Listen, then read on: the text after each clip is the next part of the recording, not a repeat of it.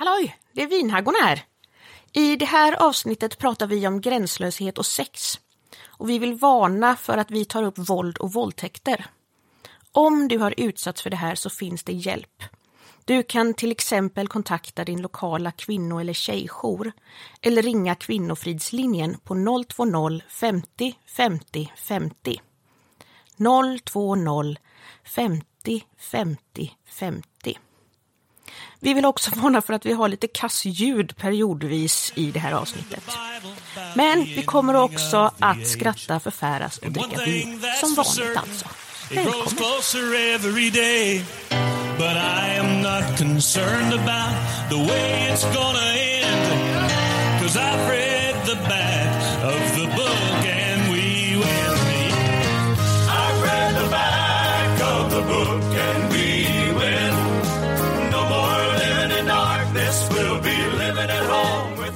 Hej Amanda! Hej Annika! Hej. Nu är vi här! Skål och välkommen! Du, det är så kul. Ja, det är så härligt, äntligen! Ah. Jag har ju inte varit här på två veckor. Nej, för du har ju haft lite så här eh, covid-otur kan man väl säga. Jag fick ju... Först um, var du jättesjuk och sen Ja. blev du sjuk av första ja, jag vaccinationen. blev jätte, jätte, jättesjuk. Ja, ja, först var jag ju jättesjuk i covid Mm. eh, förra hösten. Sen var jag ju jätte, jätte efter första sprutan under sommaren. Eh, och sen så sa alla så här, men vad härligt, så kommer du inte märka av någonting med andra. eh, så jo, det gjorde jag. Så nu, så nu har vi... Men det var det är i och för sig rätt bra för jag var också rätt lite sådär eh, covid-vaccinsjuk samma Ja, helg alltså där. det är ju, jag, vänt, jag säger ju som du, jag väntar ju på det här när man bara ping, så har med sig wifi överallt. Precis, 5G. ja, precis.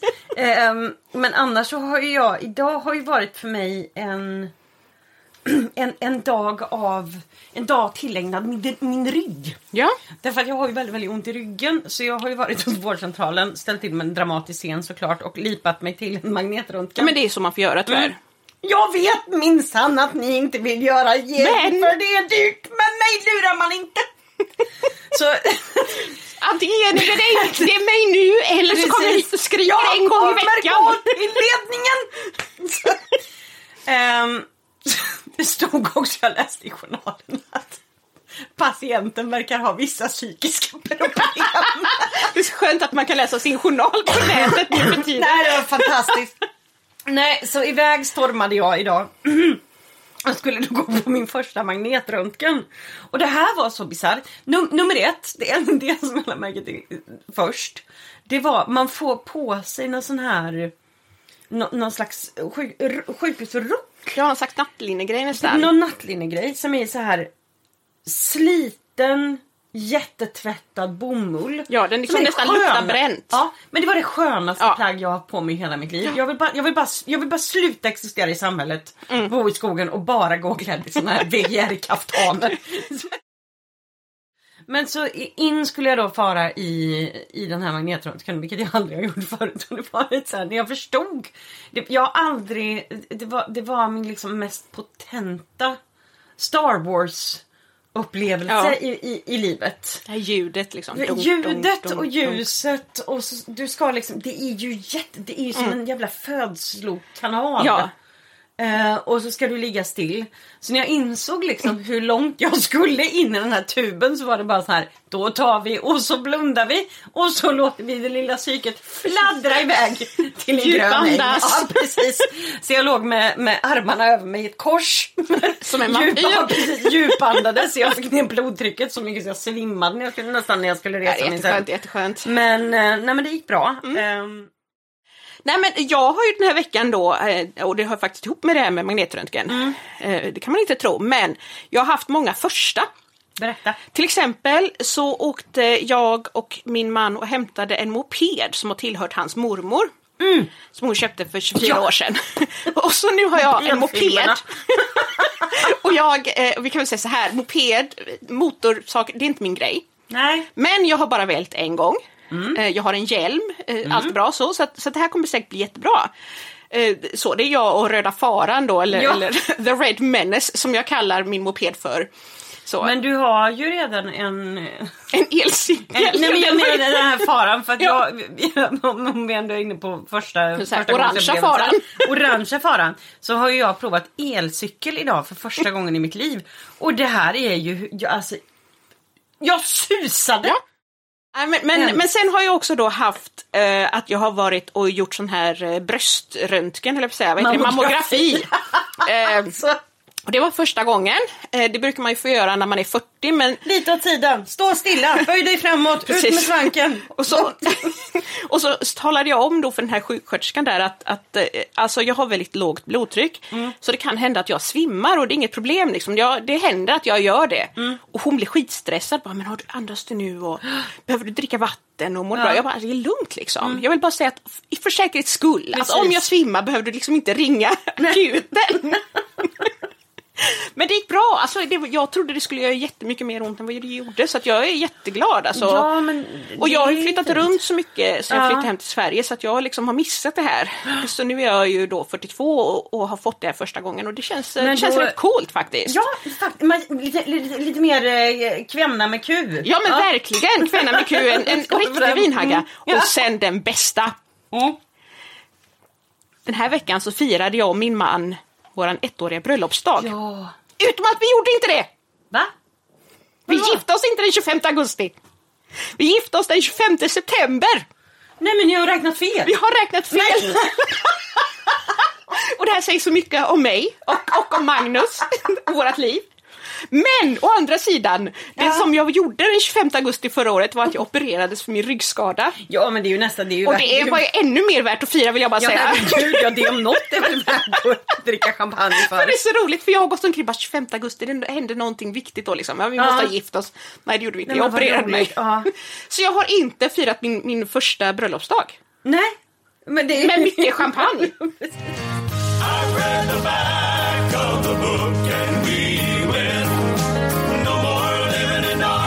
we'll be living at home with him. Nu ska vi prata om sex och samlevnad Ja, på ehm, något sätt. Hur vi ska närma oss det här ämnet. Och det är, vänta jag ska bara göra en grej här först. För Mm. att jag behöver mer vin om vi ska ta det här. För att eh, nu dricker jag ur ett champagneglas för annars dricker jag för snabbt nämligen. Så blir jag för full. Och då säger Annika att, jag är för full. Nej men du måste ju dricka varannan vatten. Du Ja. är ju inte betrodd med fri tillgång till vinboxen. nej, Ehm, så är det. Ehm, men, nej, men det här med sex och samlevnad. Ehm, och frikyrkan och Ja. 90-talet. Jag tror att vi måste börja med att prata om 90-talet liksom utanför frikyrkan. Någonting hände på 90-talet där vi gick från att vara svenskar med ettan och tvåan, eh, kanalerna på tv och, och P1 och P2 och P3. Och så plötsligt så fanns det en massa annat, det fanns en hel värld utanför. men och den var- världen var ganska så Det var- gränslös. Ja, väldigt gränslös. Och det, alltså det, det var väl lite det här att eh, det blev så tydligt på 90-talet att du kunde, alltså man får komma ihåg också att du hade ju saker som Fröken Sverige, det var Ja. ju väldigt stort. Men det var en helt Alltså, normal grej liksom. Och det var, du hade ju mycket det här liksom med, att, med slits Ja. och alltså Systrarna Graf. Ja, men de här vidriga flickfotograferna Ja, som de kallar sig. Och det är just det, det är flickfotografer för att det Ja, är de är vidriga. Väl, nej men alltså, de fotograferar väldigt, väldigt unga Ja. tjejer, flickor. Ehm, men alltså, det- var ju en... någon Man skulle kunna säga att det var en grogrund, att det räckte liksom på något sätt med att visa brösten så, Mm. så blev du känd. Eller det räckte med att bara liksom vara snygg så blev du känd. Och det, Mm. och det skap, för jag kommer ihåg... ehm, Så det är början av internet men långt innan vi får alla influencers. Alltså,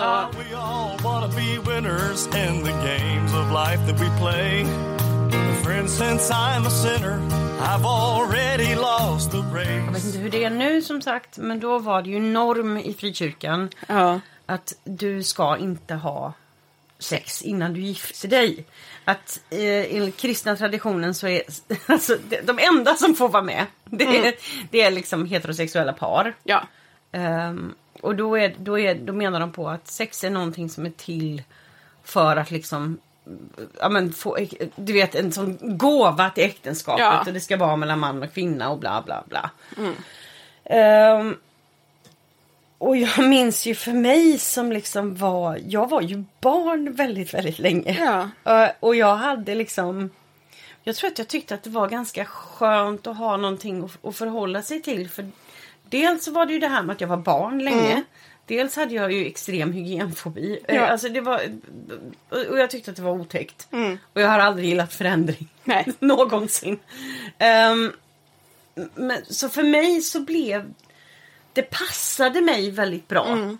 När jag kom med i kyrkan att det liksom var det här att ehm, Sexualitet var en icke-fråga och en fråga. det var en, alltså, det var en icke-fråga som med åren blev det var en icke-fråga som blev den största frågan. Ja. För att jag har ju all, aldrig hört människor prata, alltså metadiskussioner om, om sex. Verkligen. Eh, så, så Vad är mycket okej? Var går gränsen? Liksom, Eh. nej men alltså det var, det var liksom bara...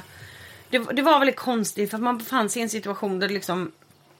Man fick inte ha något form av sexuellt uttryck. Mm. Och sen så skulle det då komma så här... Eh, åh, de här åh, fräsiga pastorer i skinnjacka eh, och halvlångt Mm. hår och, som skulle prata om Gärna körde motorcykeln. Ja precis, som, som skulle prata om hur, hur, minsann hur mycket de låg med sina fruar. Ja. Så det var, det var väldigt... Det är ett oerhört manligt perspektiv hela Ja, tiden. det var liksom ehm. inte fruarna som var och pratade med oss riktigt. Det blev ju sen, det kom jo, ju men sen. det blev det ju sen. Men, Men då inte- skulle ju vara såna här tjejgrupper. Ja. Tjejfrukost, kvinnofrukost och tjejgrupper. Och jag har aldrig känt mig bekväm i sånt. Jag har liksom Men de inte... tjejerna är ju inte tjejer som jag skulle velat umgås med. Nej, alltså det, det är ju tjejer som man, man känner att ni får jättegärna vara tjejer någon annanstans. I've read the back of the book and we win. No more living in darkness, we'll be living at home with him. Tänk er själva, alltså ni som har haft en normal sexuell utveckling. Mm. Att tänk er att liksom ingenting Alltså upp till Hur gamla var de flesta när de gifte sig? 21? 21, 22, 23. Eh, ja. Precis. Och sen då allt, allt på en gång. Allt på en gång. Alltså det, det, det ju ett, ja. men jag, tänker, jag tänker ju bara för mig trauma. Ja. Alltså det, Nej, och jag, jag vet ju att jag ansågs ju vara någon slags eh, nästan rebell. Eh, d- Och då liksom när jag blev tillsammans med den här killen som jag senare gifte mig med. Jag tror alltså folk förutsatte nog att vi hade haft sex innan vi gifte oss. För vi bodde till och med ihop eh, några Just månader det eh, ju- i, i England. För vi bodde ju i England då, eller jag flyttade dit för att Hur bo med mycket, får jag honom. bara fråga, hur mycket liv och rörelse blev det kring att ni liksom... Ni bodde ju inte ens i samma rum. Nej, men, alltså vi hur- bodde samma ja. lägenhet. Men det blev inte så mycket, men det var för att vi förlovade oss innan jag flyttade dit. Och Ja, vi satte ett bröllopsdatum. Ja. Och då var det liksom okej. Jag Okej. tror inte ens att mina föräldrar hade brytt sig om vi hade haft sex i det läget. Liksom. Nej. Och inte hans föräldrar heller, absolut inte. Men det, det var nog mer min eh, liksom, religiösa tro som gjorde att det Mm. var så. Men vi hade förlovat oss så det var liksom okej på något sätt. Men det var ju ändå att liksom... Man får ju sexualundervisning i skolan. Ja. Eh, Och jag vet att för mig, jag bara kände att den var helt irrelevant. Så att jag liksom lärde mig ingenting. Och det var inte förrän jag Nej. skilde mig och började ha sex liksom utanför äktenskapet. som jag insåg att det fanns saker som jag hade kunnat behöva lära mig. Ja men Typ som att du insåg att du klamydia. var... Ja, Nej men alltså, när man, när, alltså det finns ju vissa stunder när man inser att man liksom har alltså, verkligen stannat i utvecklingen Ja. alltså, jämfört med man kanske är alltså har utvecklats otroligt mycket. Alltså, må, många, jag tänker språkmässigt, Mm. eh, retorik, alltså så högprester Verkligen. Mm. ansvar för andra, omsorg, så högpresterande. Och sen så finns det de här viss, liksom, delarna som de, flest, näst, de flesta andra Ja. har eh, varit med om som man själv blev berövad på. Ja. Där man är, säg att man är 25 men är mentalt som en 13-åring. Ja, precis. Nej, jag- hade ju väldigt länge, eh, alltså när man frågar så här, men vad var bra med din uppväxt i kyrkan? Och då hade jag väldigt länge den här idén om att ja, men det var ganska bra att jag inte liksom var på typ då ungdomsgården och hade sex första gången i en buske. Eh, För att det var liksom någon slags myt som fanns. Ja, det var alltid någon som Och, hade och sedan, ja, och, liksom en, och sedan så jobb, när jag jobbade som ungdomsledare i Saronkyrkan då, då träffade jag ju på på midsommar och sådär många unga tjejer som hade blivit våldtagna. Alltså det var väldigt mycket trauma sådär. Och då sa jag att ja, men det är, jag är glad för min kristna uppväxt på grund av det här. Precis. Och samtidigt när jag pratar med liksom, på riktigt sen med liksom riktiga verkliga människor så, så är det ju väldigt sällan så att den första gången man har sex är i en buske utanför ungdomsgården. nej, alltså det är inte så det händer. Nej. Det händer för en del men det är inte riktigt så. Nej, men det blir nästan som en sån här vandringssägen. Ja. Liksom att det... Och jag kände länge så att ja, men det var, jag slapp ju i alla fall det. Ja. Eh, Och på senare år så har jag börjat känna att ja, men tänk om jag hade haft sex. Dels innan jag gifte mig men överhuvudtaget liksom att jag tror att mitt liv, mitt sexliv hade blivit bättre, mitt äktenskap kanske till och med hade funkat bättre, jag vet inte. Jag vet, jag, vet inte hur, jag vet liksom inte hur man ska närma sig det på något sätt. Därför att det, jag vet ju om att jag har ju pratat med eh, andra avhoppare. Som liksom fick handskas med det här att helt, plötsligt, helt plötsligt så har du lämnat allt och du ska kastas ut i Ja, men du blir tonåring fast du är 20 någonting liksom, så blev det för mig. Ja, fast för mig, för mig så blev det inte så. För många, många andra så blir det just det här att man kastas in i en värld där man liksom är helt... Man, man vågar inte berätta de här bitarna. Nej. Så att man... Jag tror att väldigt många nog körde på den här... Alltså det är bara att bita ihop och, och, och låtsas att man har koll liksom. Men jag var ju ställt väldigt tydlig med att jag hade en kyrklig bakgrund. Ja. Eh, vilket ju i och för sig då gjorde mig mer eh, som ett prize liksom i en del Ja, killars ja, ögon. precis, sådär. ja. Men, men eh, Jag hade ju inget riktigt behov av det alls. jag ville liksom bara inte... Nej, men jag ville inte kännas vid det. Och, och jag tror att det, det blir så konstigt också just att när man kommer ut då och har fått liksom hela den här... Du, du, ska, ta, du ska ta igen dels. Du ska lista ut allting samtidigt som du är... Alltså... du är inkapabel, Nej, men du, har inte rätt... Eh, Nej, men du, du, blir, du blir ju nästan alltså du blir ju nästan lite störd i det för att när man har levt hela livet och fått höra liksom att eh, sex innanför äktenskapet är så woho, woho, woho. Ja. Och sen så allting som sker utanför är så här syfilis, ond, broddöd. Precis. Ja. Kellogg's. Nej, Ja, Kellogg's. Eh, alltså, det finns ju inga gråzoner, det finns inga mellanting. Det ska gå från noll till hundra. Um, och, och, och superstressigt liksom. Um, nej men det som vi fick lära oss uh, av alla de här olika knasiga ledarna. Um, det var ju att sex var en så himla fin sak som var, hörde äktenskapet till. Och ehm, man ska spara sig, man ska, man, ja, men man ska vara som någon slags jävla gödkalv Ja. på sin, på sin bröllopsdag. Det- Polerad och... Det, Ja. men, du, vet, nej, men det är helt vansinne. Ja, det Ehm, och då, då använder de ofta så här. Ja men tänk dig, tänk dig, att en, tänk dig att du är ett äpple. När du ger av dig själv till någon. Eh, då är det som att den personen tar en tugga på Mm. det äpplet. Och sen så fortsätter du och inte, för att det, det ska de tydligen alltid- är det också så att man fortsätter alltid då ge. Ja, nej men också, det här är roligt också Mm. med, med undervisningen i frikyrkan för tjejer. Mm. Att det handlar aldrig om att vi har sex för att, för att man har lust att ligga.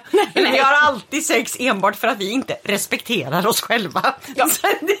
Eller faller för liksom mannens... Ja, eh, jag vet inte, gärna någon man som inte är från kyrkan. Jag vet inte. Exakt, ja, vi blir förledda. Ja. Nej, men det har liksom aldrig någonsin med... Alltså, vi själva har lust. Nej, nej. lust eller någonting sånt. Utan det, det är enbart för att vi har ingen respekt för oss själva.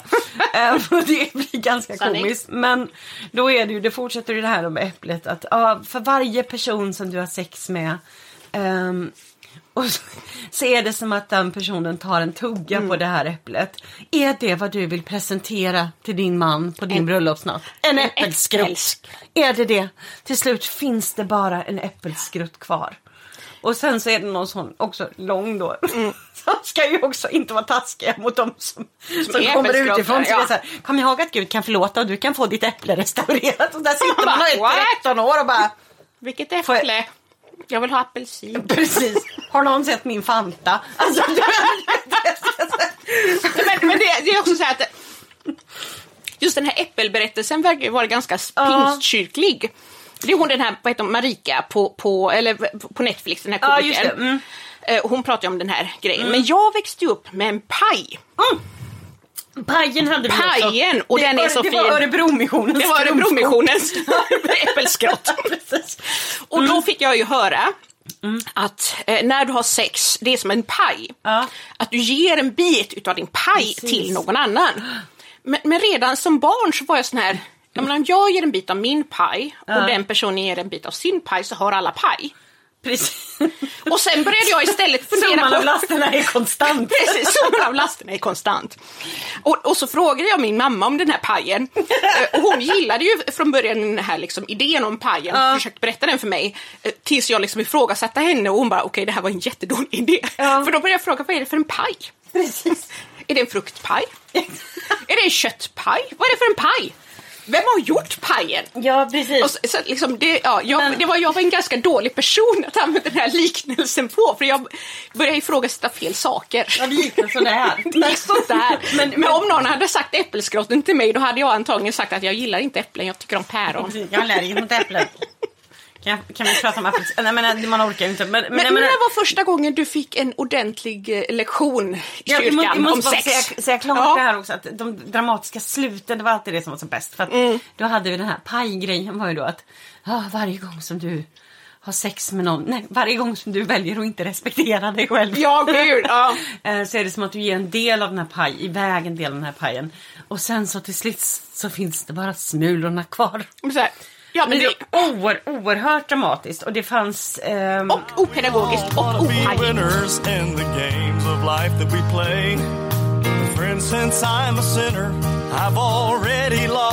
race. Jag, har två berättelser om Ja. sexualitet i Bibeln som är jättespännande. Det ena är ju att, att Guds eh, syn på sexualitet är ganska ambiguous. ja, Eh, ganska splittrad. Det ena är ju Oh, då ja. att, att du ska liksom vara trogen och ha sex och så vidare. Ja. Eh, men det gäller ju väldigt mycket kvinnorna. Männen får ungefär ha, ha ganska många fruar. Alltså, ja, gud ja, de, de är fria. Och, Ja, och det är så också så här att när, när David dör så tar ju då hans eh, efterföljare då eh, som är ehm, Fick jag hjärnsläpp? Med. Predikaren. Eh, Salomo! Salomo! Salomo tar över och en av grejerna han gör är att han tar över eh, det kungliga haremet. Haremet, precis. Eh, Så. Och det betyder ju inte nödvändigtvis att han har sex med allihop. Men liksom, han tar över det och det är liksom en Han har maktgrej. möjlighet. Mm. Han har möjlighet. Men det är också det att det är en maktgrej. Så att här har David alla de här kvinnorna, nu är han död, nu är de mina kvinnor. Ja. Jag känns bara... ew. Men... så. eh, Men eh, då, då finns det också lite Där roliga- fanns det inga allegorier om pajor. Inga pajer alls! Inga pajer eller äppelskruttar. Men Och inga polerade. det finns en bok i Bibeln som är så rolig. Vilken då? Och det är. Hesekiel. Ja! Oh, den är fantastisk! Alltså är Gud sexuell? Ja, säger Hesekiel. Det finns långa texter i Hesekiel där Gud, Gud visar sig för då profeten Hesekiel eh, med sina lår. Just det! Och eh, egentligen så är det så att på engelska så säger man loins och det betyder lite mer än lår egentligen utan det betyder helt enkelt Länder, alltså länderna det mellan betyder- gärdet. Ovanför ja, knäna. Det, det betyder, länder betyder egentligen Alltså den här... Innan ja, men låren. tänk från könet Mm. och sen så 20 centimeter ner på låren. Alltså där du har Det är väldigt... länderna, Ja. alltså mellan benen. Alltså det är Den där här, du har ja. väldigt mycket, mycket liksom nervändar Ja. som är sexuella. Eh, Precis. Så, och då är det så att Hesekiel han, han då träffar på Gud, eller ser Gud, och Gud, Guds länder ehm, brinner med en eld som brinner neråt. The Eh, burning loins! Ja men det är jättefint. Och det är så här att, alltså jag fattar inte ens varför den här boken heller får med för det, att det är verkligen um, Alltså det, det är liksom jättemycket allegorier i Jo, hela det den här här är boken. ju hela, alltså hela Har- Harlequin. Ja, men Harlequin bygger på- Allting är bara burning loins. The burning loins and the Ja. breasts and Ja. the nipples of...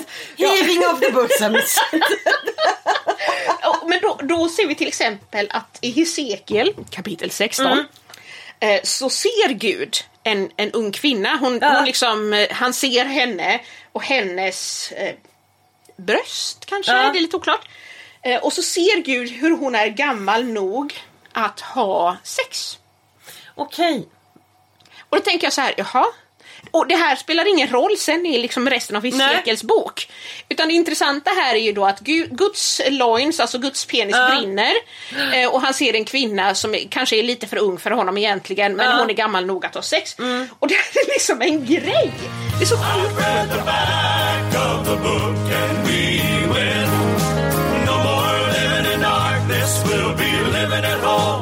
Nej, men om, om man tittar på liksom Guds logik runt sexuella situationer. Ja. Eh, om vi tar till exempel eh, det här med David och Batseba. Ja. Kung David.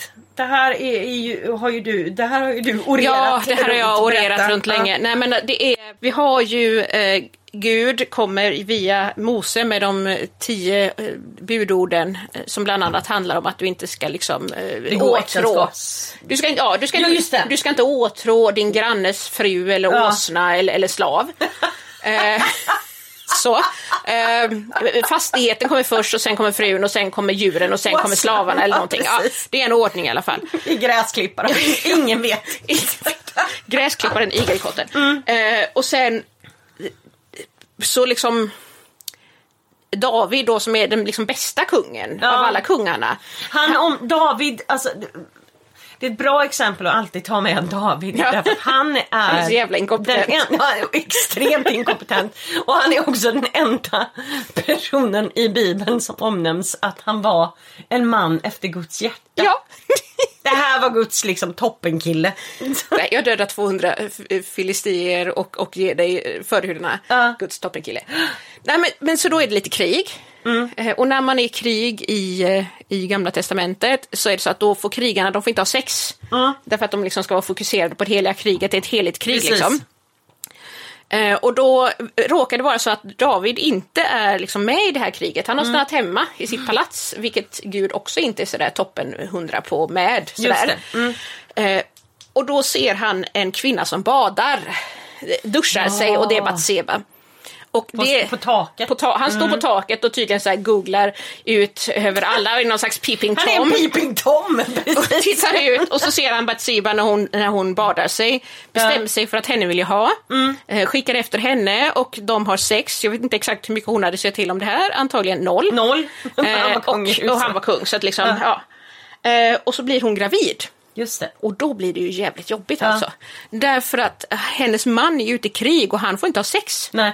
Så då kallar han hem mannen. Och säger så här, nej men nu, jag vill att du ska vara hemma här nu och sådär. Mm. Men han vägrar att sova med sin hustru. Just det. Utan sover i, i, i liksom utanför Davids rum. Ja. Och David bara, herregud vad ska jag göra liksom? Hur ska jag bli av med det här? Hon är ju gravid liksom. Så han skickar ut hen, honom, eh, den här då mannen till Batsheva, i kriget och säger till, till liksom krigsledaren, bara skicka ut honom i första ledet. Och så I fort, fronten. I fronten och så fort det händer något bara överge, överge Ja. honom. Så att, så att ja, han blir mördare by proxy liksom, Ja. i det här. Eh, Och Batsheba då, eh, de föder sitt barn och Gud är väl sådär nöjd med David. Vad är Guds straff för det? Nej men det är ju att han skickar en profet som i princip berättar för David att han är ett jävla rövhål och sen så dödar han barnet. Japp. Alltså ingenting mot... Inget mot David, Nej, inget mot nej, nej, Batsheba, inget mot någon. Nej. Utan det är såhär, nej men barnet ska dö. Ja. Nej men med undervisningen som vi fick. Ja. Eh, vad är liksom ditt första sådär eh, minne av sexualundervisning i kyrkan? Alltså det är så pinsamt. Eh, vi hade våra nya pastor, eh, han var kanske, säg 25 eller något. Ja, de är alltid sk- 25. Ja, de är det. Eh, och och så skulle vi ha sån här kristendomsundervisning som man har istället för konfirmation då, Ja. i frikyrkan. Och då, han var, jag tror att han själv tyckte att det var lite pinsamt liksom. Ja. Allt var pinsamt för alla. Så, då eh, skulle han försöka visa varför heterosexuellt sex var bra och homosexuellt sex var dåligt. Just det. Och då hade han sådär att han liksom gjorde sitt pekfinger och tumme, alltså det här Ja. låter jättekonstigt, eh, som liksom hål. Ja. Så, och så som förde han ihop de här mot varandra som Ja. att säga att det var två tjejer då med sina två Precis. hål. Och det här går inte. Nej. Och så tog han pekfinger mot pekfinger som att det var penis mot penis. Ja. Och det går inte. Han har, och sen inte, han, har, ju- han har ju uppenbarligen inte en, en examen i biologi. Och sen tog han liksom ena handen då som, som Ja. det här pekfingret tummen mot hål och så pekfingret i och sa ja men det här funkar. Um, fräscht. fräscht. Det var typ den sexualundervisning jag fick i skolan. Nej, men det, Eller i, i, inte i skolan utan i kyrkan. Ja, nej men alltså det var... Ungefär så fräscht. Ja, nej men jag, jag kommer ju ihåg att vi hade en... Alltså, alltså, jag har inte så mycket tidiga minnen av just sexualundervisning. Det är mitt, mitt, mitt starkaste, min så här chock... Chockdoktrinen. Ja. Eh, det var ju på det här lägret som vi var på, som jag alltid pratar om. den Bisarra eh, framgångsteologen till pastor. Som också var såklart 25. Eh, och kom dit, eh, två meter lång, blond, glansig i någon sån här grå gabardinkostym. och skulle ha undervisning med oss tjejer om eh, hur man blev gift i princip. Vi var Härligt. 14. Härligt. Jag kommer ihåg att han, han sa, han, han skulle då förklara den perfekta kvinnan och hur man liksom skulle bete sig då som tjej för att bli gift. Och de, med de bevingade orden, en kvinna ska vara som en gasell och liksom hoppa iväg och, va- och, och, så att mannen får jaga. Därför att ingen vill ha en ko som står och väntar på att bli mjölkad. och där satt vi, så 14-åringar på ett läger och var så här. Va? och sen så kunde man höra, för att jag tror att det var hans bror Ja. som hade undervisningen med killarna. Ja. För de stod, de stod eh, någon, de hade separerat killarna och tjejerna då Åh gud, såklart. åh det- Eh, gud. Så Det de stod ihåg. någon annanstans och vi hörde hur de skall, skalderade Vi är män, vi är män. Åh nej gud, åh det var så 14 år gamla. Nej men det, alltså, det är ju... Jag tänker bara dem, tänk dem i den situationen som är liksom homo, bi eller Asexuella. Alltså, asexuell Eller bara- eller icke-binära eller vad Ja. som helst som ska, som ska sitta i de här. Nej men alltså, det, det är Ja, men- sådana bisarra... Men det var ju någon av deras fruar också som var med och pratade för Ja. oss. Och det, det var sådär liksom att de skrek vi är män, vi är män. Ja. Och så skulle vi liksom sitta och nästan viska fram att ja, men, vi är ju viktiga och vi måste sätta Vi värde på våra kroppar. också vara med. Och, ja, men det var så himla konstigt. Ja men det blir så konstigt också med sexualundervisning för tonåringar. För killar är liksom att, ja men du vet, du ska liksom Ja men tänk, tänka rena tankar och inte titta på porr och inte onanera utan du ska Ja. läsa bibeln och be varje alltså, men du vet, Ja. Medan vi tjejer vi, får vi fick liksom, alltså det var inte ett enda ord någon gång om att en tjej kan kan vilja. Utan vi, Nej, nej, utan vi var bara, bara- vi skulle bara respektera våra egna kroppar. Det som, var bara som männen Ja. tydligen då ville liksom Precis. på olika sätt, jag vet inte, Och sen så förorena fick vi också, ja exakt förorena. Nej men alltså det var, det var skända Skända. gillar. Det, det, det, är en, det är en oerhört potent känsla att Ja. känna sig skändad. Men, men oavsett, alltså det var, det var så speciellt därför att vi fick ju också väldigt mycket undervisning av våra kristna ledare om att vi liksom hade ansvar för att killarna var så svaga och Ja. med det här och att vi inte skulle vara liksom för lättklädda eller förföra någon eller cause a brother to stumble eller, eller någonting sånt. Så det som gjordes i princip det är ju att hela ansvaret för alltså, flickors och pojkars sexualitet det lades ju på axlarna till liksom På alla 48 flickor. stycken Ja, men 14-åringar precis. som satt och var så här What? var är min Fanta igen? nej, men, nej men det blir jättekonstigt. Jo, men, men det är det här som vi, jag vet vi pratade ju för några veckor sedan om, om vår resa till Portugal. Ja. Och vi hade ju då den här situationen där eh, killarna tyckte att vi då uppenbarligen var för lättklädda. Precis. Det tog väldigt lång tid, hederskultur. Ja. Och, vi, och, och då blev det så här att vi först fattade inte vad de pratade om. Liksom. Och, okej, till slut så fattade vi att de ville inte att vi skulle ha på oss bikini på stranden. Eh, Skyll dig kvinna. Skyll dig kvinna.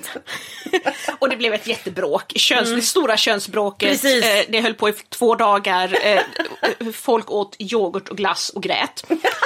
eh, och sen har jag tittat på de här fotona. Ja. Eh, och då har jag några foton från när vi är på stranden. Ja. Och när vi tjejer, eller flera tjejer, liksom badar i, eh, på stranden i vågorna. Och det är, jag tittar på de här fotona och jag ser att det finns inget sexuellt här. Det finns bara glädje, hopp, skutt. Ja.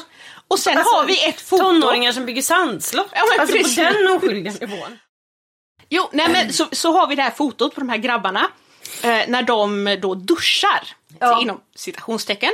Säger jag utan att rulla mina ögon på något sätt. Eh, och då är det så att det fanns ju liksom inte så mycket duschar på det stället där de bodde tror jag. Eh, så då står Nej, de och tvålar in sig och, och, och liksom schamponerar och grejer. Ja. Och så är, står någon ovanför och, och liksom har någon slags sån här trädgårdsslang. ja, Eh, och liksom ska skölja av dem. precis. Och när jag tittar på det fotot, det enda jag kan tänka är så här, bögporr, Ja, men- porr, porr, porr. Men det är... Det är Alltså, det, och det var liksom inget problem. Det här fanns, det fanns inget problematiskt med det. Nej men det var ju just det. Men så här, förvånade blyga tjejer som vill bada, det var ett Ja. problem. När man tittar på, när man tittar på det, det brukar kallas för renhetskultur. Ja.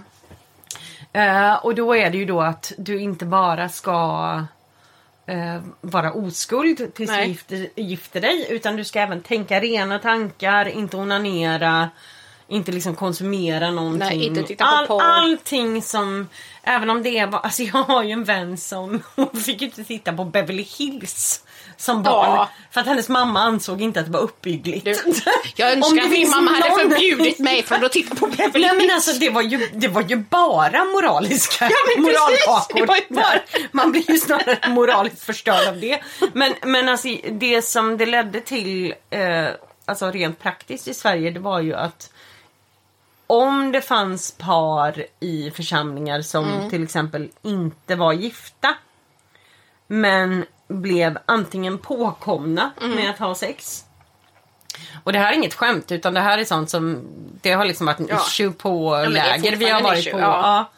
Ja. Eh, eller att de blev gravida och inte var gifta. Nej, då var det liksom ett Det, bevis. ja, det, det ledde ju till att det här är alltså människor som var tvungna att gå upp. Det här är inget skämt. Nej. Utan de var tvungna att gå upp och ställa sig inför hela församlingen och be om ursäkt. Mm. Därför att de hade levt orent. Jag hade min, en av mina barnvakter Ja. eh, som idag är en väldigt viktig person och, professor och sådär. Hon eh, var en av dem som i min kyrka var tvungen Ja. att gå upp och be om ursäkt. ja, det är så hemskt. Och då gifte hon och sin man sig ändå väldigt tidigt och sådär Mm. men, men de hade blivit påkomna. Och det, är oerhört traumatiskt. Ja, och jag ja, tänk, jag ja. tänker ju även på en, en bekant som jag har som var eh, gravid när hon gifte sig. Mm. Eh, och eh, på bröllopet så var det en av hennes släktingar som som höll ett tal Ja. eh, där de liksom sa att ja, det är väldigt, jag är väldigt besviken på att, att hon är gravid. Mm. Men nu så ska de ju ändå gifta sig. Alltså, det här händer idag, det här händer nu. Ja, ja, ja. Och det här, alltså det är det här som är så himla sjukt. Därför att tittar man på det så är det ju... Jag vet ju... Nej men lik, ungefär lika många människor som har... Alltså hållit sig Ja. och inte haft sex som... Jag vet de som har haft det Ja. och... Eh, och även de som, alltså de kom ju på väldigt, väldigt liksom specifika regler. Alltså vissa kör ju med det här att Ja men allting utom penetration är okej. Ja. Medan andra kör liksom med att vi Ja men inga bikiniområden Ja. eh, till alltså de som är helt extrema och liksom kysser varandra för första gången efter att liksom de har gift sig. Ja, eller förlovat sig eller gift sig. Ja, men du vet, det är precis. verkligen Nej, men så att det, det, är ju, det finns ju lika många Ja. alternativ som det finns människor men Nej men Jag kan tänka lite så här runt eh, Alltså hela den här märkliga liksom Kulturen med att man får inte göra det ena av det tredje. Mm. Det som jag tror kan bli ett sånt himla problem det är Det är ju vissa bitar alltså i och med att Ja men Livet händer ju och det är ju väldigt väldigt sällan som någonting blir som man Har tänkt, hoppats eller planerat. Precis. Ehm, och då har inte kan- längre planer än femårsplaner. Nej precis. Eh, jag håller mig oav, oavkortat till igår. När kommer till planerande. Eh, nej men. Om man kan ta som exempel liksom en. En vän till mig. ehm, det här är ju inte, det här är det sjukaste att det här är inte ens länge sedan. Det är en fem, sex år sedan. Hon gick ju bibelskola i Stockholm. Och den här skolan var liksom lite mer intellektuell kreddig. Ja. Kan man väl säga. Ehm, men hon kom dit i alla fall och träffade en man där som... Ja men... Säg 20 år äldre eller någonting sånt. Som hon inledde en relation med. Det är ganska vanligt förekommande att det liksom av och till figurerar människor med ganska farliga bakgrunder i frikyrkan. Ja. Och de, ett problem är att de får ju alltid bara fri tillgång till alla. Eh, Så var det även i detta fallet. Så um, han blev ju mer och mer kontrollerande eh, med tiden. Och så att det här slutade liksom med att hon var... Eh, hon, hon var ju utsatt för psykisk misshandel under lång tid. Och sen så kulminerade det här i att han eh, låste in henne i sin lägenhet. Och upprepat våldtog henne och hotade henne. Och... ehm, Nej men alltså hon lyckades ju fly då. Eh, efter tre dagar. Eh, och sökte då hjälp hos eh, bibelskoleledningen. Och det som stör mig så fruktansvärt mycket med deras respons, jag, kom, jag kommer dit. Det är att jag har varit kristen och jag vet hur resonemanget går. Så att den här ledaren gick ju ganska garanterat upp i brygga av exaltation för att äntligen ha liksom ett ja, men så här illa kan det gå om man har sex innan äktenskapet. Nej men han säger ju till henne då att eh, ja det är ju tyvärr då när man, man väljer att ha sex innan äktenskapet så är det ju sådana här situationer som kan uppstå. Va? De bara, de bara uppstår. Ja, de bara ho- hoppsan hoppsan. Ja, men det är så fruktansvärt. Nej, men det är så Alltså, fruktansvärt. det är och, då, och, och just det här att liksom en person har varit inlåst, hotad och våldtagen i tre dygn och lyckas fly. Ehm, och ber sina, sina ledare på skolan om hjälp. Och det är ingenting att ja men det här är fruktansvärt, det här måste vi polisanmäla, det här är liksom eh, du vet, hur kan vi hjälpa dig och någonting. Nej, nej, nej. Hon skammas därför att uppenbarligen då om man inte står där som den polerade gödkalven med rosett i håret på sin bröllopsdag så är man liksom värd anala våldtäkter. Ja. Och det är just det här som driver mig till fullkomligt vansinne. Att de, de kan inte ens skilja, de har så störd syn på sex.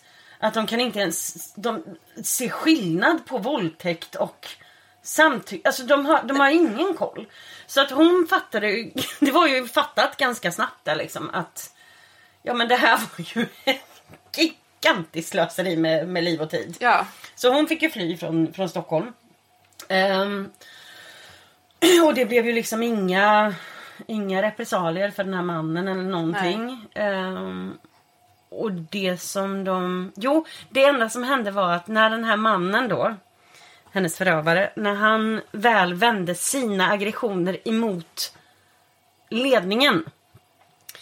Då blev det ju, då blev det ju lite jobbigt, då Ja. blev det ju obehagligt. Så Då blev, kastades då, han ut. Då blev han utesluten, då kastades han ut.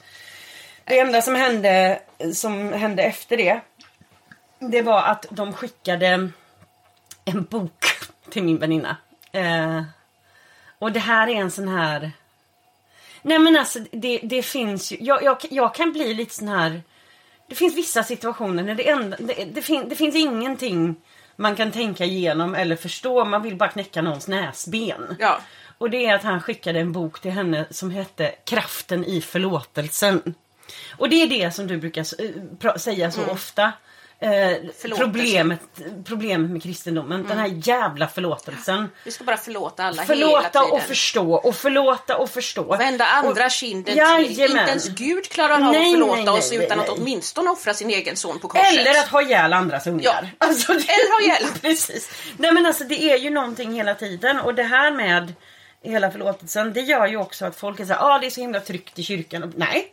Det är, det är fri lek för förövare för att de får ju uppenbarligen bara Ja, men det är ju det här ut. att en sån här person som liksom är kriminell eller Ja. har en kriminell bakgrund.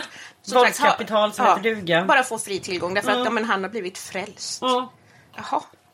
Eh, och vi, alltså jag har ju min, min eh, lilla syster hade ju en liknande situation på sin folkhögskola. ja. Där, eh, där det var ett antal personer, framförallt en som var väldigt hotfull och eh, körde berusad och det Ja. var knark och det ena med det tredje. Ja. Och, och bibelskolan och, och Julia sa bara att, då att, att nej, men jag kommer att polisanmäla det här. Ja, Eh, Och bibelskolan säger då att nej men det kan du inte göra, du kommer ju förstöra för den här personen. precis. För hans framtid. För Och att då kanske blir- någon var liksom på, vad det nu heter, när man är utsläppt på Ja, man är på... Man är på... Karantän. Semester. Nej, permission. permission typ. Karantän. Är så här, man är helt nysläppt och ska testa. Ja, precis. Nej, men det är lite den här grejen. Och sen så jag vet ju en annan vän som som höll på sig. Mm. Som Nej men, nej men som liksom körde på hela den här balletten och verkligen kämpade på. Men hon träffade liksom ingen Ja. eh, att gifta sig med. Ehm, och sen så lämnade hon väl tron i mitten av 20-årsåldern. Ja men du vet att träffa någon kille som hon liksom tyckte var snygg och trevlig och, och fick väl för sig att det kan vara kul att hångla lite. ja. För det är det ju. Ja visst. Eh, och hon blev, ju, hon blev ju våldtagen. Och Alltså problemet i en sån situation är ju... Det, alltså, en våldtäkt är aldrig kul. Ehm, det är lika mycket trauma. Men det, det blir lite speciellt också när det är ens oskuld. Ehm, Och det, jag vet att hon hade ju problemet att hon, hon, hon hade liksom ingenstans att ta vägen sen. Därför att alltså alla kristna är ju ja men i princip indoktrinerade från barnsben att eh, det kallas för att när du går med Gud. Alltså att när du liksom är trogen Gud och liksom håller dig nära honom, du ber och sjunger lovsång och går i kyrkan och fan hans moster och du ska göra allt möjligt. Eh, Då, då säger de att då står du under Guds beskydd. Och så brukar de alltid rita upp som ett paraply. Ja. Eh, därför att den precis, omnipotenta guden är uppenbarligen bara verksam på ungefär två kvadratmeter. om ens det. Eh, nej men så, så då, då har du liksom det här paraplyet då, Guds beskydd. Och så fort som, och så säger de alltid, så fort som du lämnar Gud, så fort som du går utanför Mm. det här paraplyet. Då kan vad som helst hända. Eh, och det, det var ju det som vi alltid tänkte, syfilis Ja. och död. Ja. Men då har du det här problemet då att säga att du har eh, liksom du hamnar i en sån, sån situation att du blir av med din oskuld genom en våldtäkt. Ehm, du har gått utanför det här jävla paraplyet. Och så är du med om ja, men, något fruktansvärt.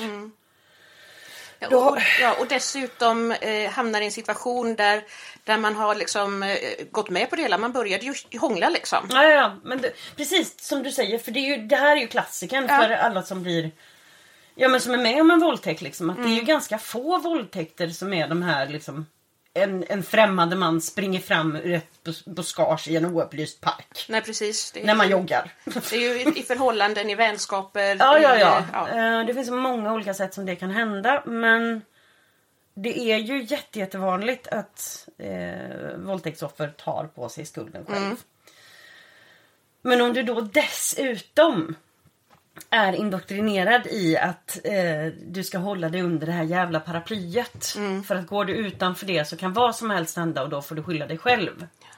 Då blir det Men det blir också ett religiöst trauma. exakt. Så om du lägger ovanpå det andra traumat så har du ett religiöst trauma. Mm. Eh, där om du, åtminst, om du hade blivit våldtagen och du åtminstone var under Guds beskydd då liksom kanske man kunde få lite mer hjälp, inte utav den här bibelskolan uppenbarligen, men annars Ungefär överallt annars utom det här. ungefär överallt. Och sen kanske just det, nej men det Nej, men, ja.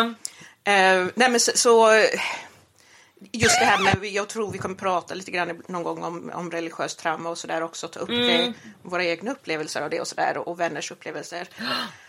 Eh, men liksom, Men det är ju det, när du hamnar i en sån situation, då har du också den här biten att du kan ju inte... eh, Du, du kan inte prata med dina icke-kristna vänner om Nej. dig. Därför att du... Du, du känner dig ju som att... ehm, ja, men de har ju liksom... Det har ju varit ett stigma, alltså något Ja. som du har blivit hånad för, ifrågasatt för i, i flera år. Mm. Och sen så blir det ju också att skulle du vända dig till dem Mm. Eh, Då skulle ju de nästan sno hela sorgen därför att då blir det så här, Oj, det här kan få inte hända dig som har, då, så då slutar det med liksom Förmodligen Du att man som får har sitta och hållit på dig så länge. Ja, att det exakt. ska hända dig.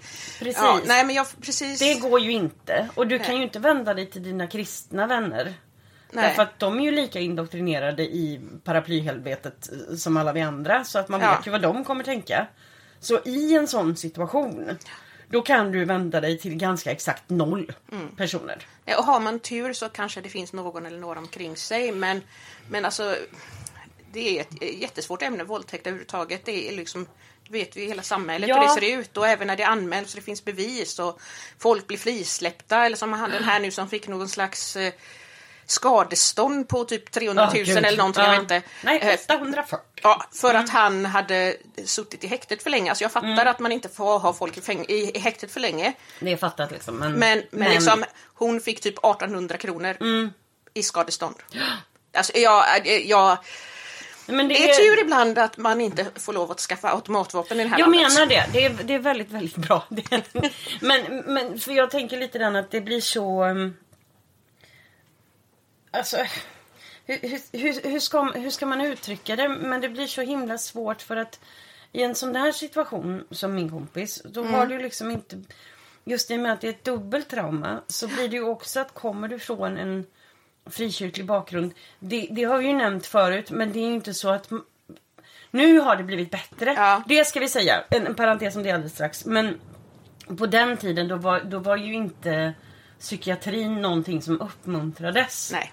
Vi har ju, det får vi ju säga. För vi, vi Mm. hade ju en liten session när vi tog oss an att lyssna på Lina Nielsen, pastorsfru i Hillsong. Yes. Hennes podd som heter Sisterhood. Och, um, Den är precis så töntig som det, låter. men alltså det, det, det är sockerkött. Ehm, så vi korkade upp vinet och i med bettskenorna och hade boxningstecken redo och lyssnade på ett avsnitt ehm, av den här eh, podden då, Sisterhood. Eh, den är Nej men det var väl precis lika vidrigt som man tänkte att det skulle vara. Men, alltså. men hör och häpna, jag kommer nämna några saker som jag faktiskt blev imponerad av och som jag tyckte var bra av Lina. Det här sitter långt in. Nej men hon nämnde i alla fall i slutet på den här podden att om du till exempel när du börjar ha sex om du får ont eller du vet det är någonting sånt här. Hon pekade väldigt väldigt mycket på att vända sig till eh, sjukvården, att det finns hjälp att få. Och det tyckte jag var va- väldigt positivt Ja. för att på våran tid, 1900 frös ihjäl, det var ju inte direkt... eh, Men då skulle man ju gå till någon själavårdare. Ja, du skulle, prata med en, personen- ja, du skulle prata med en eh, äldre man som... Ja, eller en äldre kvinna Ja. men som också var så här uppväxt med ännu strängare. Ja. Du vet, du fick knappt ens hålla handen eh, eller kyssas. Du vet, de kom från ännu Precis. längre från 1700-talet. Oh, jag hörde sjukaste grejen idag. Alltså angående det här med sexualitet i, liksom, Ja. i kyrkan. Jag pratade med en tjej eh, som berättade om att alltså det fanns ju vissa ställen där det var så här att ledarna gick ut och liksom skulle förklara för ungdomarna i församlingen att onani var synd. Ja. Och att man då skulle göra en deal med, med sin ledare. Ja, ja, ja. Att om man gjorde det här så var man tvungen att, att, att ringa och berätta. Nej, men alltså, det, här är så, det här är så gränslöst. Och då, nej men då är det alltså så, så då menar de på att det här är liksom ett bra sätt att då blir det svår, alltså ett större hinder. För att man, Ja.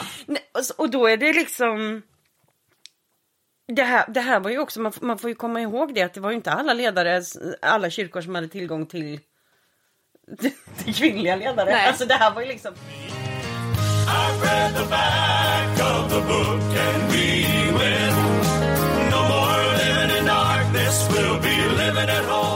Det ju ett bra exempel. Den här, det här påtvingande kramandet. Alltså vi, vi har ju pratat om lite om det här och vi kommer väl komma in på det mm, mer. Men alltså det som, det som vi gick igenom i frikyrkan. Mm. Det som har gjort mest skada i mitt liv.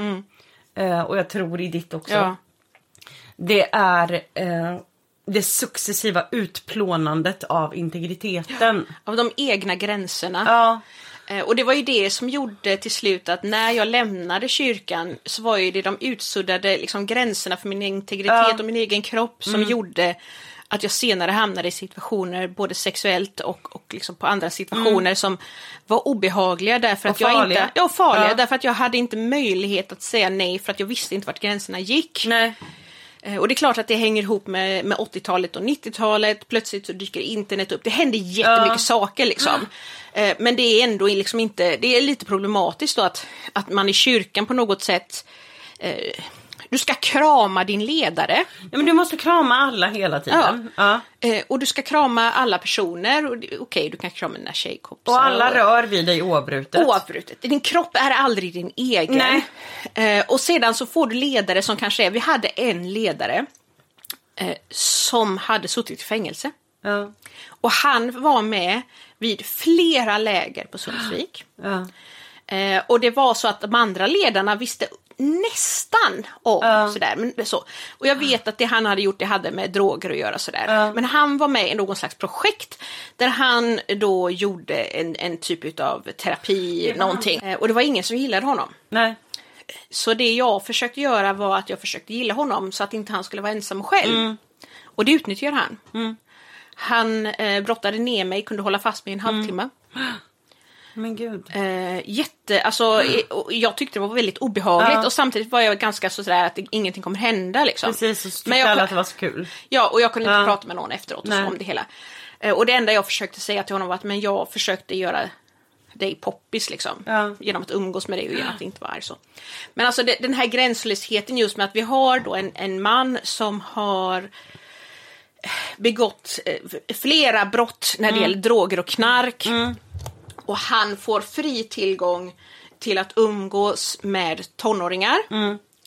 Eh, både tjejer och killar. Och ledarna är omedvetna och egentligen om mer än att han är där som någon slags eh, terapiprojekt, anställning. Eh, och, och såklart att så är det inte idag. Nej. Eh, därför att idag hamnar de på olika sätt an, på andra ställen, typ Ja. på, på second hand-ställen och sånt. Men han hamnade faktiskt i en kyrka med tonårstjejer. Ja. Och han var väldigt gränslös. Ja. Eh, Och det blev ett jätteproblem. Men sen hade vi ju liksom hela den här gränslösheten som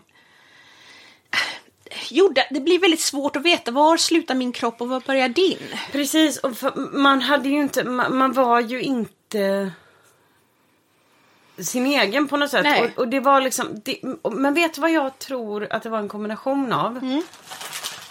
Det var, jag tror att det, problemet blev att det var en kombination av att dels så var det mycket så här att ja, men, man skulle kramas. Man, Ja. man, alltså man lever ju ihop väldigt så kollektivt. Ja. Man är på läger hela tiden. Alltså man, man har eh, en väldigt så, alltså utplånandet, utplånandet av integriteten det kommer i olika steg. Dels så hade vi att ehm, det största problemet det tycker jag var det här med att eh, om man hade haft en jobbig dag eller något. Det var alltid någon som skulle, och det här har jag gjort mig själv skyldig till tusen gånger. Ja. Men det var alltid någon som skulle komma och vara så här. Ah, jag, ser, jag ser igenom dig, jag ser att Ja, det är, ja. du bär på så mycket och jag upplever att man fick liksom aldrig ha någonting, inte ens i, i sitt inre Nej, för sig i själv. fred. Eh, I fred, utan det skulle om vi hade bönegrupper och sånt till Mm. exempel så kunde folk säga eh, alltså så otroligt privata saker. Jag upplever att Gud säger att eh, eh, nej men du är så oerhört trasig eller någonting Mm. på grund av det här och det, det här. Ehm, och, och sen så ska då alla be. Och det, alltså Ja. det är ett successivt utplånande av gränser. Och sen så får man också komma ihåg att en grej som är ganska obehaglig och svår att handskas med när man är ung tonåring och man ska få förbön. För det gick en trend med att eh, folk skulle lägga handen på ens bröst. Åh gud, på hjärtat. Närmast Ja. hjärtat när de bad för en. Och att då stå som 13-årig tjej och ha liksom vuxna män och alltså alla ska ha ens händer på din kropp. På din kropp, de på ditt hjärta, på ditt, hjärta, på ditt huvud. Du, är liksom inringad av... Alltså, de har liksom, lägger händer på huvudet på dig och liksom trycker ner dig. Och det, det är liksom... och det enda man kan göra till slut är, är att liksom falla i anden. Därför att då får man i alla Precis, fall för vara då i får man vara i fred. Och sen så också att man blir varm och, och man blir panikslagen. Ja. Och man bryter ihop då för att man är så stressad. Ja. Och då tycker alla ledare att det här är Nu ett sånt äntligen har vi fått ett genombrott. Ja, i anden. Ehm, nej, men det är det här som vi menar, att ni fattar inte hur gränslöst Nej men ni kan Det inte förstå var- hur ni sjukt det var om ni inte var där. Det är, och, och så just det här, jag, jag har ju liksom verkligen hängt upp mig på det här med själavårdarna därför att, därför att jag känner många som har farit illa. farit illa. Mm. Eh, som borde ha, eh, första gången själavårdaren träffar dem, borde säga, vet du vad, du behöver träffa psykiatrin. Ja. Du behöver prata med en psykolog. Eh, det här är ingenting som jag kan hantera. Nej. Men istället så är det liksom bara, ja men be till Gud och jag ber för dig. Och vi Precis. pratar om det här och sedan så är det bra liksom.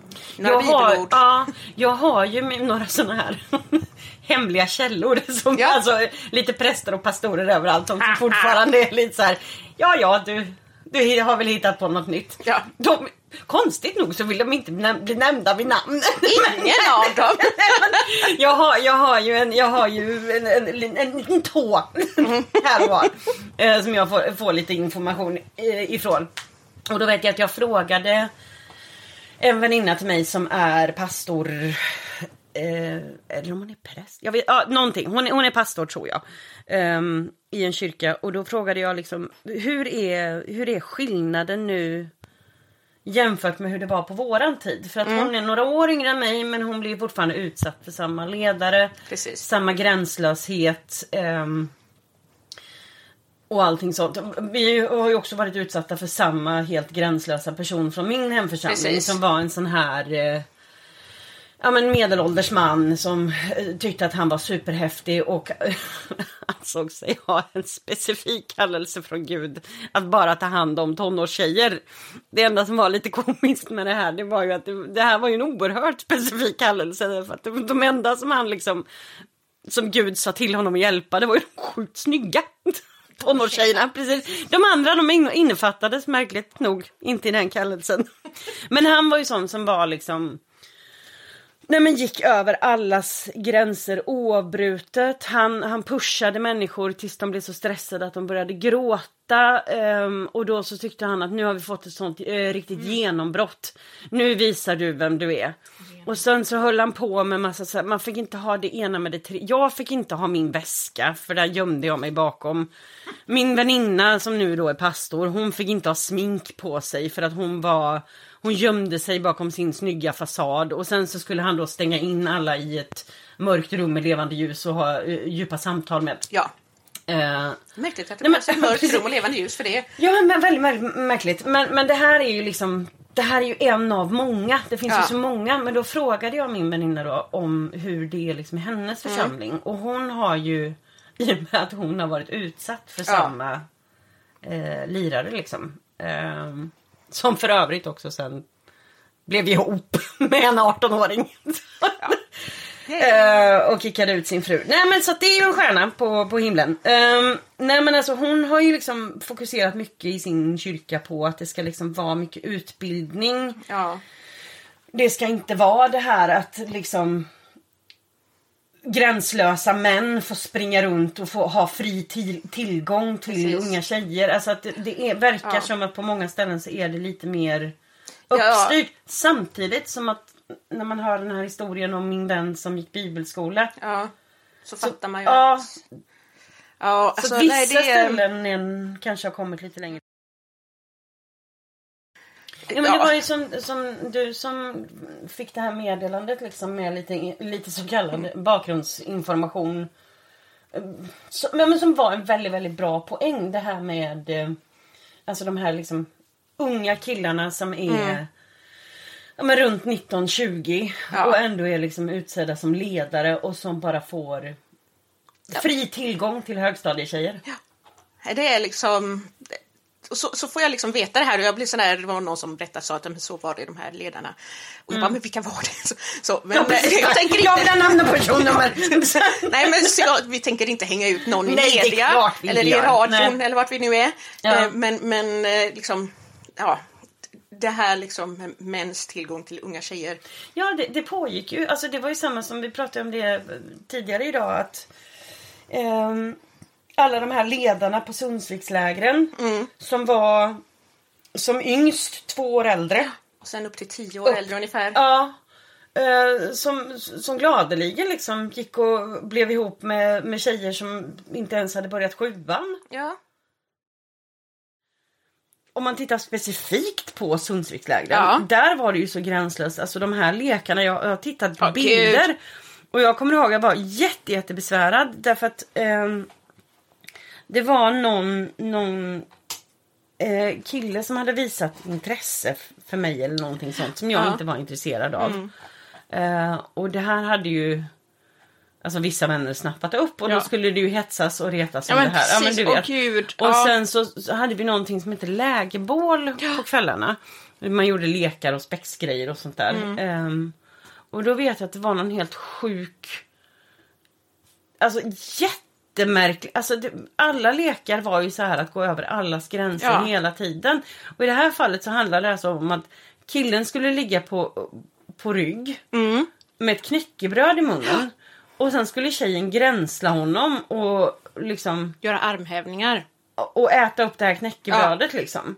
Ehm, och, då, och då kommer jag ihåg att liksom, han var ju, det här var ju en alltså, ganska stor 15-årig kille. Ja. Och så lilla jag liksom. Jag, alltså, jag, så här, en armhävning så det kört jag ville liksom. liksom. inte sitta gränsle över någon. Det, var, Nej. alltså, det var nej, men, det var obehagligt. Och tittar vi på en annan grej för att det var, det var ju... Klädleken, kommer du ihåg den? Ja gud ja, det var någon kläd. Alltså Åh, de hade någon gud. lek där. Alltså det här är helt, det här är det mest gränslösa. Och det här är så himla bra nu för att det här hade ju aldrig hänt idag. Nej. Men alltså vi är ju uppvuxna med att det som var normalt på lägerbål det var att vi eh, lekte klädleken. Eh, då har du alltså högstadiebarn Ja. eh, indelade i olika lag. Och så ska de ta av sig plagg efter plagg. Och den som skapar längsta Liksom eller... Ja, med, med kläder vinner. Ja. Och där står ledarna och fotograferar 14-åringar Som står i, trosor underkläder. och, och, och eller, bh. ja, ja, och kanske till slut tar av sig bhn och Ja, står med precis, armarna framför exakt. brösten. Play. Och då hade vi också det här som hände sen som vi kallade för Miss Sundsvik. Åh gud. Och då var det alltså, snacka Jag om får bara säga en sak om det Ja. Mm. innan. I kontexten barn av sin tid får man också komma ihåg att det en, den, alltså, på 90-talet Mm. innan hela den här ironigrejen Ja. kom eh, så fanns det två saker som var roligt. Alltså allmänmänskligt roligt. Det fanns bara två grejer och det ena var när folk snubblar och det andra var när killar klär ut sig till tjejer. Ja. Det är ju det som fortfarande är det enda som är kul i typ Storbritannien. Ja, det var Ja. jättekonstigt. eh, Alltså, det men, men där är det ju liksom så att... det- ja. Så då hade vi det som kallades för Miss Sundsvik. Eh, jag är ledsen men jag var extremt drivande i det här. Ja, men Och då hade vi alltså unga ledare, ägget. killar, ledare so- som liksom klädde ut sig då. Folk, alltså jag bara blir sån här, tjejer lånade ut sina baddräkter. Ja. Oh my god, jag skulle aldrig använt en baddräkt senare. Nej. Till de här killarna, de, de eh, låtsades vara någon slags skönhets... Ja, men de, vi, hade, de, vi hade skönhetstävling. Ja, för de Den här killarna ja. i, i baddräkter. Och eh, superuppsminkade i klackskor och sen så skulle de ha Ja, men vi hade ju hela det här vanliga liksom att vi drev med eh, Fröken de- Sverige-biten så att det de var sa, svarade konstiga saker på Ja frågor. precis, som Ja, världsfred visst. och Ja. eh, alltså någon sån här balklänningsgrej. Ja, precis. Utan att ens liksom se oss bad- själva ja. i det här. Men det, alltså det är så sjukt, jag har foton Ja. här. Eh, Jag har många foton på de här eh, eh, armhävningslekarna. Med, ja. Från olika läger, både på vintern och på sommaren. Med lekarna, du är ju påmind om... Jag blev Berätta här det. nu påmind om en lek som var ungefär som, alltså ni vet på tv gick det här Tur till kärlek.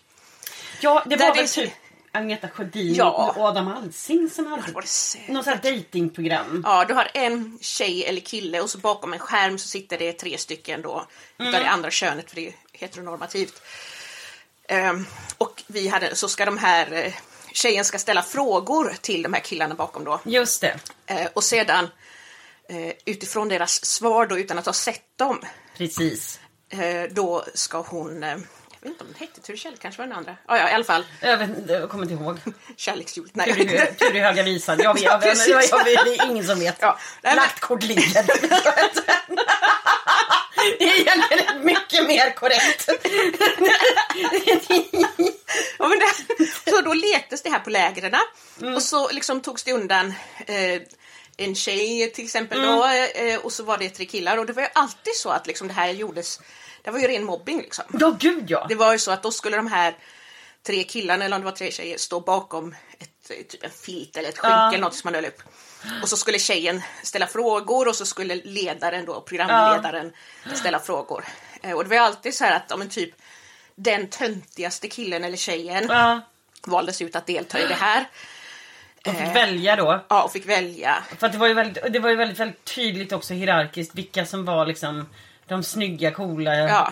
tjejerna och killarna. Det är Precis. för att de berättade för en ungefär hela tiden. Men, Hur snygga de var. Nej men alltså det var, Ja. det var väldigt, väldigt tydligt. Men det var ju också så att då var det liksom den töntiga killen och alla de snygga tjejerna eller, Precis. eller tvärtom. Eller, ja, men det var liksom oavsett vem det var. Tänk att vara i tonåren Ja, och bara, bara- alltså, bara en sån sak som att du vet, ha problem med akne eller att, Ja. att man är för smal eller för tjock eller någonting. Alltså, Ja, och, och då blir det liksom...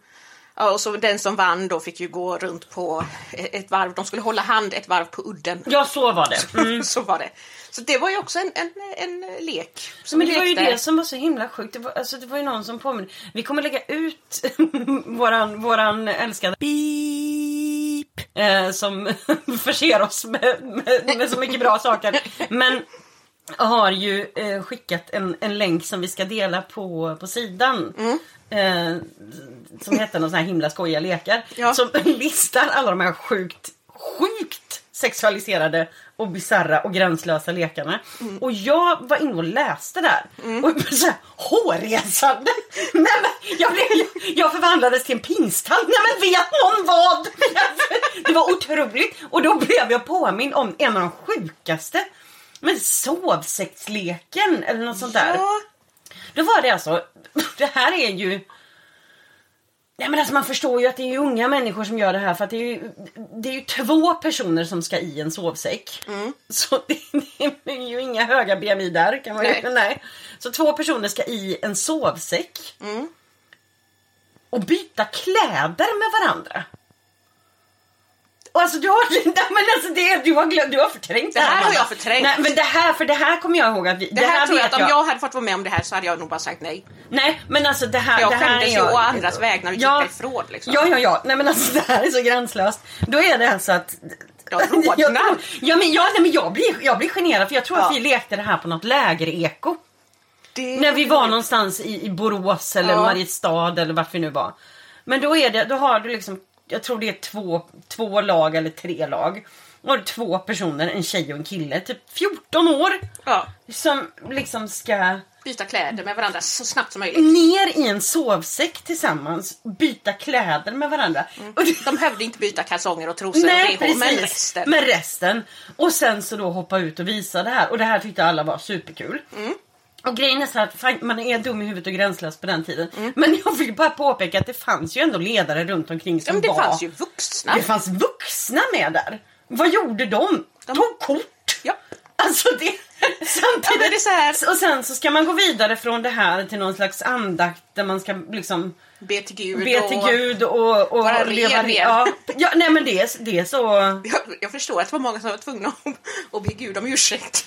Ja, ja, ja. Jag Nej, men, tänka alla stackars killar som liksom inte riktigt kan styra även när de får stånd. Alltså, och jag, oh, det här känns bara så jobbigt. ja, men, men jag tänker också, tänk, tänk bara stackars mig som är så besvärad för Ja, allt. Det är men precis. Men tänk om, du mig. tänk om du också då varit en kille som fick stånd.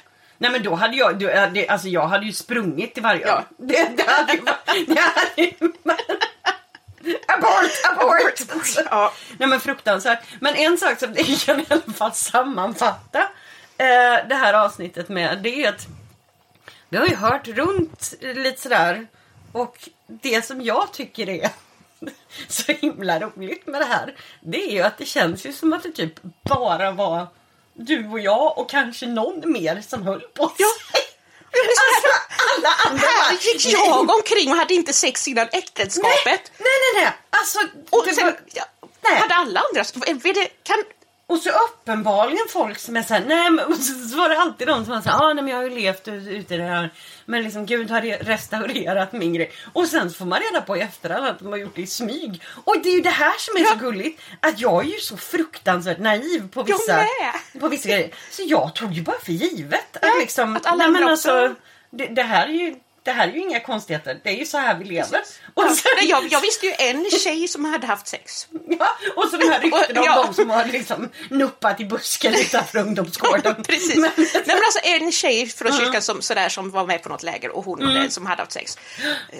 En! Alla andra tänkte vi är rena. ja, för man vet, man vet ju inte, för man pratar ju inte Nej. med Jag trodde det värsta var... varandra om sånt heller. Nej, för det var ju ett gäng grabbar som typ så här brukade sitta ute i skogen och dricka folköl och det tyckte jag det var skandalöst. Ja, det var väldigt skandalöst. Men, Mm. men, men liksom, ja, nej så att eh, är det någon av er där ute som också höll er så Och så- och känner sig lite snuvad på konfekten. Nej men man känner sig duktigt blåst. Alltså, det var ju bara... Och så just för att när man är, när man är liksom lite så här, ja, det, det här livet löser ju inte jag. Så, så bara jag, du vet, jag gjorde totalt som jag blev tillsagd. Och sen så Jag inser man, och sen så inser man att det har inte alls folk gjort.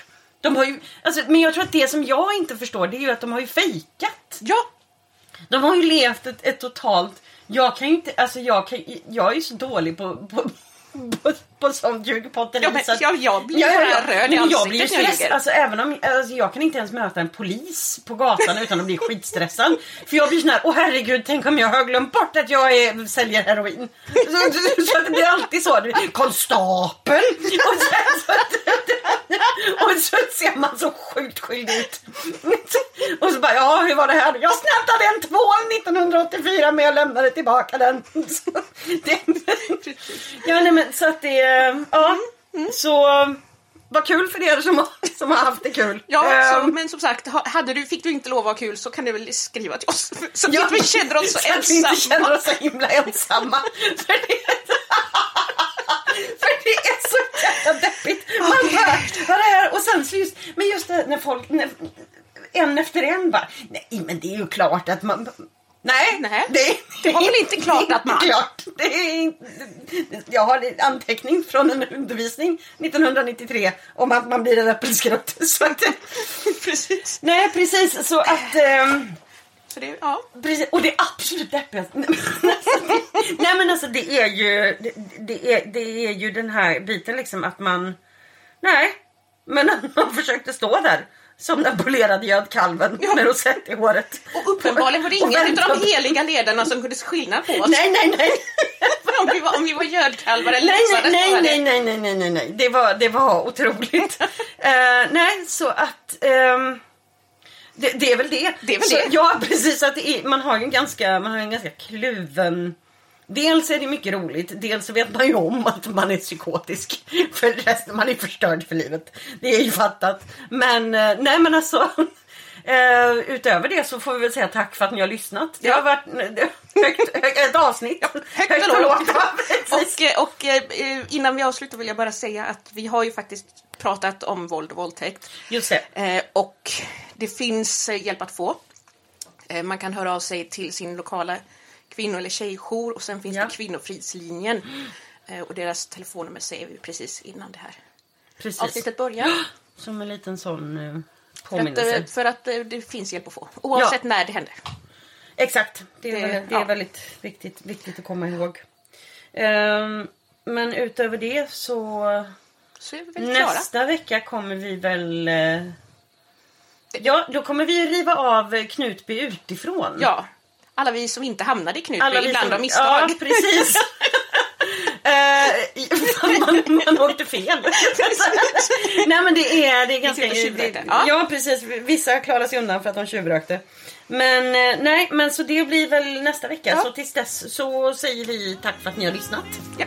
Jajamän, ha det gött, hej!